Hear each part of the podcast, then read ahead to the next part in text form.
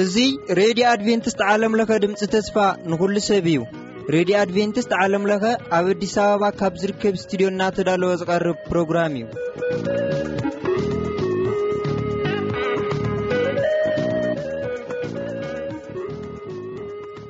እዚ ትከታተልዎ ዘለኹም ረድዮኹም ረድዮ ኣድቨንቲስት ዓለም ለኸ ድምጺ ተስፋ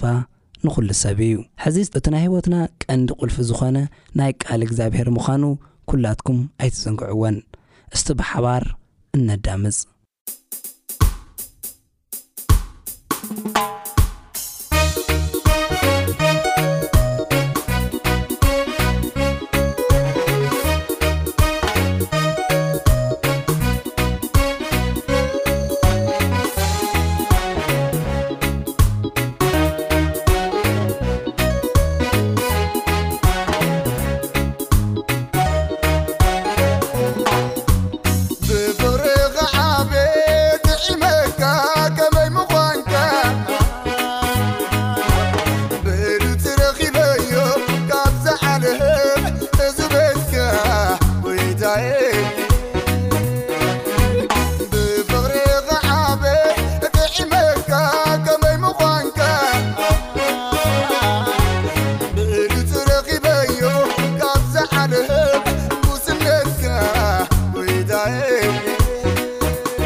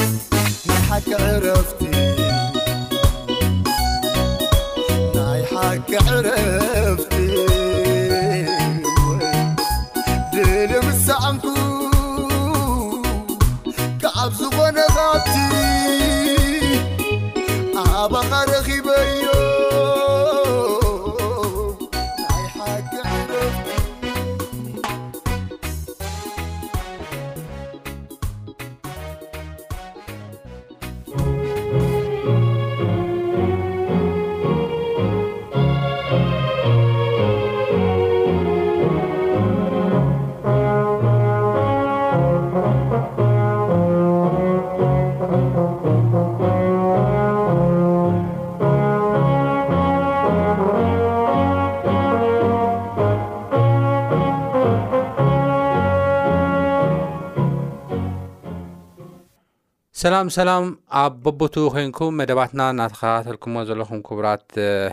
ሰማዕትና እዚ ብዓለም ለኸ ኣድቨንስ ሬድዮ እናተዳለወ ዝቐርበልኩም መደብኩም መደብ ቃል ኣምላኽ እዩ ኣብ ናይ ሎሚ ግዜና ድማ ኣብ ቀዳማይ ሳሙኤል ምዕራፍ 25 ዘሎ ሓሳብ ብዋናነት ኣብ መዝሙር ዳዊት ምዕራፍ 121 ምስ ዘሎ ሓሳብ ኣጣሚርና ክንርአ ኢና ቅድሚ ኩሉ ግን እግዚኣብሔር ምእንቲ ከምህረናን ክመርሓናን ሕፅር ዝበለ ፀሎት ክንፅሊ ኢና ንጸሊ። እግዚኣብሔር ኣምላኽና ስለዚ ግዜን ሰዓትን ነመስግነካ ኣለና ሕጂ ድማ ቃልካ ከፊትና ኣብ ነጽናዓሉ እዋን ንስኻ ምሳና ክትከውንን ክትመርሓናን ከም ፍቃድካ ክንነብር ድማ ጸጋ ከተብዛሓና ንልምነካ ብጎይታና መድሓናን የሱስ ክርስቶስ ስም ኣሜን ኣብ ቀዳማይ ሳሙኤል ምዕራፍ 25 ቁፅሪ ሓደ ዘሎ ሓሳብ ከምዚ ይንበብ ሳሙኤል ድማ ሞተ ብዘሎ እስራኤል ከዓ ተኣኪቦም በኸየ ኢሉ ኣብ ራማ ኣብ ቤት ድማ ቀበርዎ። ሽዑ ዳዊት ተንስኡ ናብ በረኻ ጳራን ወረደ ይብለና። እብዛ ሓሳብ እዚ ክንሪኦ እንደሊ ሓሳብ ብዋናነት እንታይ እዩ? ሳሙኤል ከም ዝሞተ እዩ። ሳሙኤል መን እዩ ነይሩ ንእስራኤል? ሳሙኤል መን እዩ ነይሩ ንዳዊት? ሳሙኤል መን እዩ ነይሩ ንሳኦል? ሳሙኤል መን እዩ ነይሩ ነቶም ነቢያት? ሳሙኤል መን እዩ ነይሩ ንራማ? ሳሙኤል መን እዩ ነይሩ ናቲ ኣከባቢ ዝነበረ ሃገራት? ሳሙኤል ቀሊል ሰብ ኣይኮነን። ምናልባት ክመውት ከሎ ሳሙኤል ድማ ሞተ ትብል ብሓንቲ ሓሳብ እኳ ተተገልጸት ሳሙኤል ግን ዓብ ሰብ እዩ ነይሩ ክጅመር ከሎ ሳሙኤል ከምቲ ኣብ ዝሓለፈ ናይ ቃል ግዜያትና ዝረኣናዮ፣ ካህንን ፕረዚደንትን ናይታ እስራኤል ትበሃል ሃገር እዩ ነይሩ፣ መጀመርያ ማለት ምክንያቱ ፈራዲ እውን ነይሩ እዩ፣ እንደገና ካህን እውን ነይሩ እዩ። ኣጠቓላሊ ዓብ ሓላፍነት ዝነበሮ ሰብ እዩ። ዓብ ሓላፍነት ጥራሕ ኣይኮነን፣ ዓብ ሓላፍነት ሃልይዎም ከም በዓል ኤሊ ዘባላሸዉ ነቲ ህዝቢ መቕዘፍቲ ዝኾኑ ንክቕዘፍ ንክሽገር ናብ ሓደጋ ንክወድቕ ክብዕልግ ሓጢኣት ክገብር ምክንያት ዝኾኑ ሰባት ነይሮም እዮም ነገር ግን ሳሙኤል ፈራድን ካህንን ጥራሕ ዘይኮነ ነገር ግን እሙንን ጻድቕን ንህዝቡ ዝሓልን ንእግዚኣብሔር ዝፈርሕን ከም ፍቓድ ኣምላኽ ድማ ዝኸይድ ሰብ እዩ ነይሩ ስለ ህዝቡ ዝጽሊ ህዝቡ ቓል ኣምላኽ ንኽፈልጡ ምሕረት ኣምላኽ ኣብ ህይወቶም ክኸውን ኩሉ ግዜ ዝፅዕር ቃል ኣምላኽ ዘምህር ሰብ እዩ ነይሩ ኢንፋክት ናይ መጀመርያ ናይ ነቢያት ትምህርቲ ቤት ኢሉ ዘዳለወ ናይታ ትምህርቲ ቤት እቲኣ ፕረዚደንት ሓላፊ ሳሙኤል እዩ ነይሩ እዚ ድማ እቲ ህዝቢ ብቓል ኣምላኽ ክዓቢ እግዚኣብሔር ኣምላኽ ክፈልጦ ፍቕሪ ኣምላኽ ክርድኦ ምሕረት ኣምላኽ ክርድኦ ሕጋጋትን ስርዓታትን ኣምላኽ ክርድኦ ንክገብር ኢሉ ናይ መጀመርያ ትምህርቲ ቤት ናይ ነብያት ትምህርቲ ቤት ዘዳለወ ናይታ ትምህርቲ ቤት ድማ ርእሰ መምህር ዝነበረ ንሱ እዩ ነይሩ ንሱ ጥራሕ ኣይኮነን ንሱ ጥራሕ ኣይኮነን ክልተ ነገስታት ዝቐብአ እውን ዓብዪ ንጉስ እዩ ነይሩ ከም ዝበልኩኹም ፈራድን ካህንን ዝነበረ ሰብ እኳ እንተነበረ ድሓርቲ ህዝቢ ንስኻደ ድሕሪና ክትከይድ ስለ ዘይከኣልካ ዓብኻ ስለ ዝኾንካ ኣሪካ ስለ ዝኾንካ ደቅኻ ከዓ ብመንገድኻ ስለ ዘይከዱ ብዝብል እቲ ህዝቢ ምክንያት መስ ኣቕረበሉ ስለዚ ንጉስ ኣንግሰልና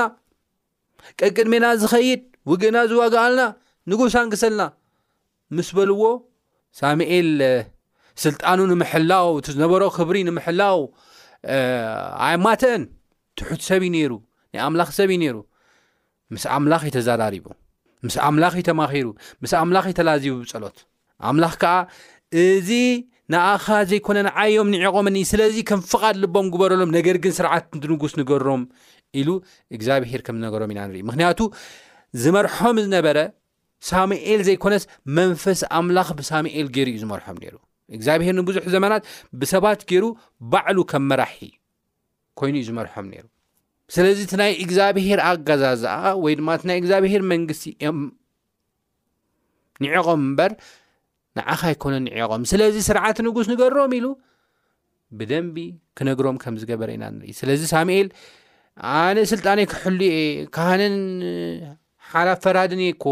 ስለዚ ስልጣነይ ክሕሉ እየ ከምቲ ሳኦል ዝገበሮ ኢሉ ኣየንገራገረን ኣይጽዓረን ካልእ ውዲታት ሽርሕታት ኣይገበረን ሳኦል እኮ ኣብ ዝሓለፈ ናይ ቃል ግዜያትና ከም ዝረኣናዮ ክሳብ መጨረሻ ቀዳማይ ሳሚኤል እውን ከይናም ንሪኦ ኣለዋን ስልጣኑ ንምሕላው እታ ስልጣኑ ከዓ ንደቁ ንምሕላፍ ዘይገበሮ ነገር የለን ዳዊት ከም ዝተቐብአ ምስ ሰምዐ ንዳዊት ክቐትል ኩሉ ስርሑ ገዲፉ እቲ ዋና ስርሑ ንዳዊት ንምቕታል ኢሉ ፕላን ኣውፅኡ ይሃድኖ ከም ዝነበረ ኢና ንርኢ ይሃድኖ ከም ዝነበረ ብዝኸዶ ኩሉ እናኸደ ክቐትሎ ምክንያቱ ዳዊት እቲ ወራሲ እቲ ንጉስ ክኸውን ዝበሃል ዘሎ እንተ ደኣ ሞይቱ ኣነ እቲ ንግስናይ ክፀኒዕ እዩ እታ ንግስና ካባይ ሓሊፋ እውን ንወደይ ንዮናታን ክትከውን እያ ኢሉ ብምሕሳብ ክንደይ ፃዕሪ ገይሩ ኣንፎርቹነትሊ ዘይምዕዳል ኮይኑ ክቐትሎ ይከኣለን ሳሙኤል ምስ ወዲኡ ምስ ዮናታን ኣብ ሓንቲ ግንባር ከም ዝሞቱ ኢና ንርኢ ማለት እዩ። ሳሙኤል ግን ከምኡ ይገበረን ናይ ኣምላኽ ሰብ እዩ ነይሩ እግዚኣብሔር ዝፈርሕ ሰብ እዩ ነይሩ ስልጣን ስልጣን ኢሉ ዝጓየ ሰብ ኣይነበረን ስልጣን ናቱ እዩ ነይሩ ናይ ሳሙኤል እዩ ነይሩ ማለት እግዚኣብሔር ብኡ ተጠቂሙ እዩ ኩሉ ነገር ዝሰርሕ ነይሩ ስለዚ እዚ ከም ምስ በሎ መጀመርያ ምስ እግዚኣብሄር እዩ ተማኺሩ እግዚኣብሄር ድማ እዚ ንዓኻ ኣይኮነን ንዒቆ እስኻ ንጉስ ከይትኾኑን እስኻ ፈራዲ ከይትኾኖም ጥራሕ ኣይኮነን ደልዮም ዞም ሰባት እዚኦም ነገር ግን ንዓዮም ንዒቆም ስለዚ ዝበሉኻ ግበረሎም ነገር ግን ስርዓት ንጉስ ግበሮም ንገሮም ኢሉ እቲ ስርዓት ንጉስ ከም ዝነገሮም ኢና ንርኢ ንጉስ ከንግሰልኩሜ ነገር ግን ንጉስ ጸጽቡቑ መናእሰያትኩም ጸጽቡቑ ፍራያትኩም ብምሉኡ ከም ዝወስድ ከም ዘጨንቐኩም ባሮቱ ክትኮኑ ኢኹም ኢሉ ከም ነገሮም ኢና ንርኢ ኢብን እዚ እኳ እናነገሮም ክምለሱ ብዘይምኽኣሎም እቲ ንጉስ ከም ዘንገሰሎም፣ ናይ መጀመርያ ንጉስ ናይ እስራኤል ከኣ ሳኦል ከም ዝኾነ ኢና ንርኢ። ሳኦል ብናይ እቲ ህዝቢ ምርጫ እዩ። እቲ ህዝቢ ውሽጣዊ ዝኾነ ባህርያት ኣብ ክንዲ ምርኣይ ልክዕ ከምቲ ኣህዛብ ዝገብርዎ ደጋዊ ትርኢቱ ሞጎስ ዘለዎ ቁመት ዘለዎ ምልኩዕ ደጋዊ ነገር ብምርኣይ ንሳኦል ከም ዝመረጽዎ ኢና ንርኢ ነገር ግን ሳኦል ባህሪኡ ኣብ ዝሓለፈ ቃል ግዜያትና ከም ዝረኣናዮ እዩ ኣፕሮቫል ዝደሊ ናይ ሰብ ኣድናቆት ዝደሊ ናይ እግዚኣብሄር ቃልካ ምስማዕ እዝኑ ዝዓፁ ስልጣን ኣምላኽ ዝኾነ ሰብ ኢና ሰብ እዩ ነይሩ ማለት እዩ ስለዚ በዚ መልክዕ እዚ እግዚኣብሔር ከም ዘይተሓጎሰ ኢና ንርኢ ሳሙኤል ግን ንዕኡ ኣንጊሱ ኩሉ ግዜ ይመክሮ ከም ዝነበረ ይፅልየሉ ከም ዝነበረ ኢና ንርኢ ኣነ ናይ ሳሙኤል ብጣዕሚ ዝገርመኒ ንሱ እዩ ኩሉ ግዜ ይፅልየሉ ከም ዝነበረ ይመክሮ ከም ዝነበረ እግዚኣብሔር ዝበለካ ግበር እናበለ ኩሉ ግዜ ይመርሖ ከም ዝነበረ ኢና ንርኢ ነገር ግን ሳኦል ክሰማዕ ኣይከኣለን ክሰማዕ ኣይከኣለን ካብ ዝተላዕለ እንደገና ሳሙኤል ካልኣይ ንጉስ ከም ዝቐብአ ንሱ ድማ ዳዊት ከም ዝቐብኦ ኢና ንርኢ ማለት እዩ ስለዚ ሳሙኤል ንሳኦል ኮነ ንዳዊት ኣማኻሪኦም ስሌኦም ዝፅሊ ቃል ኣምላኽ ዘምህሮም ናብ እግዚኣብሔር ክቐርቡ ዝገብሮም ዓብዪ ሰብ እዩ ነይሩ ንህዝቢ እስራኤል ዝመኽሮም እቲ ዘዋፅኦም ዝመኽሮም እዩ ነይሩ ኣብ ጭንቀቶም ስለ እዮም ፀልዩ መፍትሒ ካብ እግዚኣብሄር ንክመፅእ ዝገብር ሰብ እዩ ነይሩ ብዙሕ ነገር እዩ ነይሩ ማለት እዩ ኢንፋክት ኣሪጉ ግን መፅሓፍ ቅዱስ ክዛረበና ከሎ ሳሙኤል ሞተ ይብለና ሳሙኤል ድማ ሞት የብለን እዚ ክሳብ ክንደይ ኣብ እስራኤል ክሳብ ክንደይ ንሳኦልን ንደቁን ክሳብ ክንደይ ንዳዊት ሓዘን ከም ዝኾነ ክሳብ ክንደይ ጓሂ ከም ዝኾነ ክሳብ ክንደይ ከም ተሰምዖም ተሓዘን ምግማቱ ዝዓበየና ይመስለኒ ከቢድ እዩ ኮይኑዎም መፅሓፍ ቅዱስን ክዛረበና ከሎ ብዘለው እስራኤል ከዓ ተኣኪቦም በኸይሉ እዩ ዝብለና ብዘሎ ምክንያቱ ሳሙኤል ተራ ሰብ ኣይነበረን ሳሙኤል ትሑት ሰብ እዩ ነይሩ ናይ እግዚኣብሄር ሰብ እዩ ነይሩ ስለ ህዝቡ ስለ ዓዱ ስለ ግለሰብ ዝሓስብ ዝሓሊ ቃል ኣምላኽ ዘምህር ናብ እግዚኣብሄር ክቐርቡ ዝፅሊ ሰብ እዩ ነይሩ ሓዚኖም ሓዘን ጥራሕ ኣይኮነን ሳሙኤል ብምማቶ እውን ኢንሰኪርድ ከም ተሰምዖም ኢና ንርኢ ዳዊት ኣይቀበሮን ምክንያቱ ሳኦል ሳዶ ስለ ዝነበረና በረኻ ፓራን ከምዝኸደ ኢና ንርኢ ስለዚ ኩሉ ወይ ሳሙኤል ተሞይቱ ደኣ እንታይ ክውሕጠና እዩ እንታይ ክውሕጠና እዩ ኣበይ ክንኣቱ ኢና ጸላእትና መጺኦም ክውሕጡና እዮም ዳዊት ከዓ ሳኦል መጺኡ ክውሕጠኒ እዩ በቃ ሳኦል ድማ በቃ ጸላእተይ ፍልስጤማውያን መጺኦም ክውሕጡኒ እዮም እግዚኣብሔር ካባይ ተፈልዩ መቕዘፍቲ እግዚኣብሔር ካባይ ክመጽእ እዩ ኩሉ ግለሰብ እቶም ህዝቢ ኸኣ ንሕና እናተዛረበና ሳሙኤል ንጉስ ኣይተንግሱ እግዚኣብሄር ንዑ ኣይትንዓቕዎ ንሱ እዩ ንጉስኩም ንምንታይ ትደልዩ እናበለ እናመኸረና እምቢ ብምባልና እንታይ ከውሕጠና እዩ ብዝብል ኩሉ ህዝበ እስራኤል ኢንሰኪርድ ከም ተሰምዖ ፍርሓት ከም ተሰምዖ እንታይ ኮን ክውሕጠና እዩ ካብ ሓዘን ብተወሳኺ ከምዚ ባድኦም ጥርሖም ከም ዝኾኑ ከም ተሰምዖም ኢና ንርዳእ ኣብዚ ቃል እዚ ማለት እዩ ናይቲ ህዝብን ናይ ሳኦልን ምላሽ ኣይንርእና ዳዊት ግን በኺሉ ሓዚንሉ ከምዚ ዓይነት ፊሊንግ ወይ ድማ ከምዚ ዓይነት ሓዘን ምስ ተሰምዖ ኣብ መዝሙር ምዕራፍ 121 ከምዚ ኢሉ ዘሚሩ ንረኽቦ መዝሙር ዳዊት ምዕራፍ 121 ከምዚ ይንበብ ኣዒንተይ ናብ ኣኽራን እልዕል ኣለኹ። ረድኤተይ ካበይ እዩ ዚመጸኒ? ኣብ ኣኽራን እዩ ዚዘውር ነይሩ፣ ካብ ሳኦል ንኺሕባእ ናብትን ናብትን እዩ ዚብል ነይሩ። ነገር ግን ካበይ እዩ ዚመጸኒ? በቃ ሳሙኤል ሞይቱ እዩ፣ ካበይ እዩ ዚመጽእ? የለን ረድኤተይ ኣብ ምድሪ ኣሎ ዚብሎ ዘማኽሮ፣ ከይደ ተሓቢኤ ዝነግሮ፣ ጸልየለይ ዚብሎ የለን። ኣዒንተይ ናብ ኣኽራን እልዕል ኣለኹ፣ ረድኤተይ ካበይ እዩ ዚመጸኒ? ረድኤተይሲ ካብቲ ሰማይን ምድርን ዝገበረ እግዚኣብሄር እዩ ዝመጸኒ ንሱ ንእግርኻ ኣይሰናኽልን ሓላዊኻ ኸኣ ኣይታኸስን እዩ እነሆ እቲ ንእስራኤል ዝሕሉ ኣይታኸስን ኣይድቅስን እዩ እግዚኣብሄር ሓላዊኻ እዩ እግዚኣብሄር ኣብ የማኒት ኢድካ ጽላልካ እዩ እግዚኣብሔር ሓላዊኻ እዩ እግዚኣብሔር ኣብ የሚኒቲ ኢድካ ጽላልካ እዩ ፀሓይ ብመዓልቲ ወርሒ ብለይቲ ኣይክወቕዓካን እዩ እግዚኣብሔር ካብ እከይ ዘበለ ክሕልወካ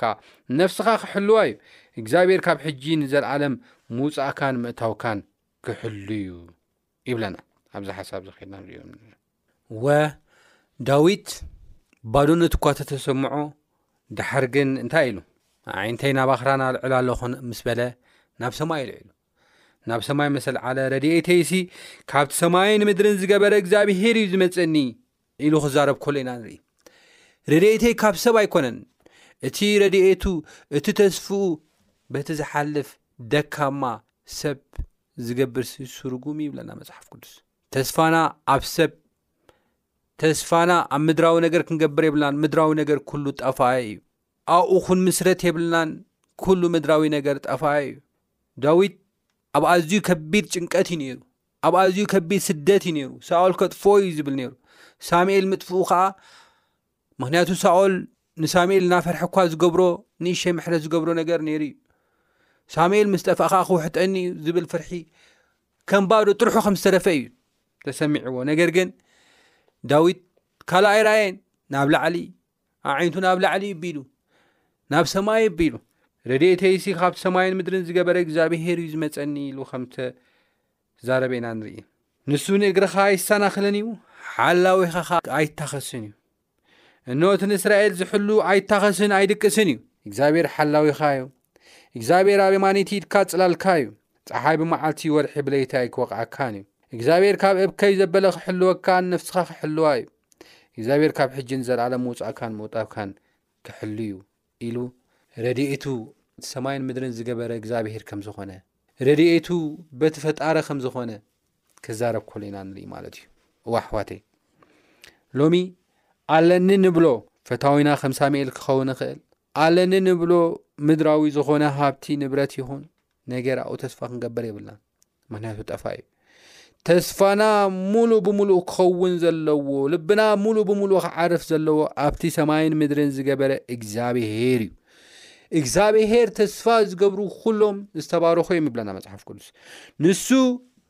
ኣብኡ ተስፋ ንዝገበረ ንዕኦም ንምሕላው ኣይታኸስን እዩ ንእግርና እውን ንክሰናኸል ኣይሓድገንን እዩ ንሱ ሓላዊና እዩ ንሱ ጽላልና እዩ። ጸሓይ ብመዓልቲ ወርሒ ብለይቲ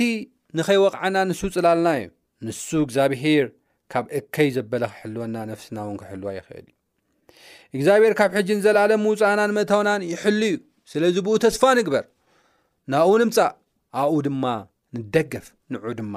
ንርኣይ። ዳዊት ኣብ ዝጸልመቶ ግዜ፣ ሳሙኤል ኣብ ዝመተሉ እዋን ከምዚ ኢሉ እዩ ዘሚሩ፣ ምእታወይን ምውጻኤን ዝሕሉ፣ ጽላለይ፣ ጸግዐይ፣ ከውሐይ፣ ከይተታኸሰ ኩሉ ግዜ ዓይኑ ሰለም ከየበለ